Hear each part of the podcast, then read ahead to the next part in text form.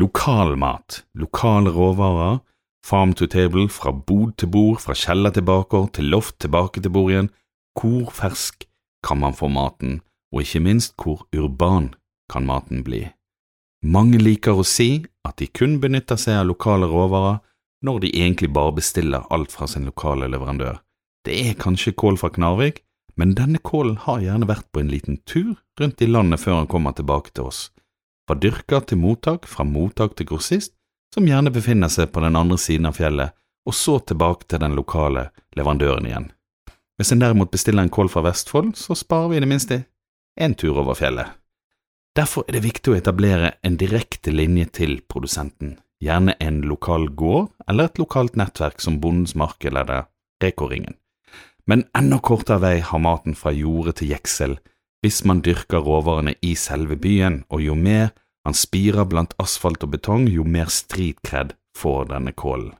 Dyrkekasser i bakgården, på tak, i kjellerboder og garasjer med spesialtilpasset fargetemperaturer og bølgelengder på lyset, da snakker vi om urbant landbruk. Og snakker vi om urbant landbruk, så må vi nevne mikrogrønnsaker.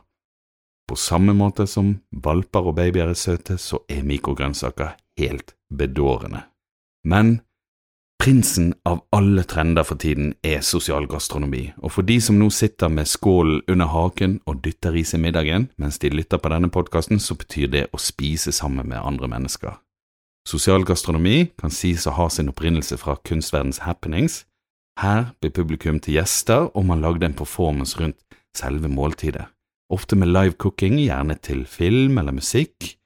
Punk og portvin, soul og stroganoff, EDM og MSG, kort summert, noe skjedde, man fikk mat, og det var kunst. Derifra så begynte man å leke litt med de sosiale strukturene rundt måltidene. Helt fremmede personer kunne bli invitert til å dele et måltid sammen, og samtalen og interaksjonen menneskene imellom ble selve kunstverket. Sosial gastronomi har derifra utviklet seg fra å være en happening til å bli et sosialt virkemiddel.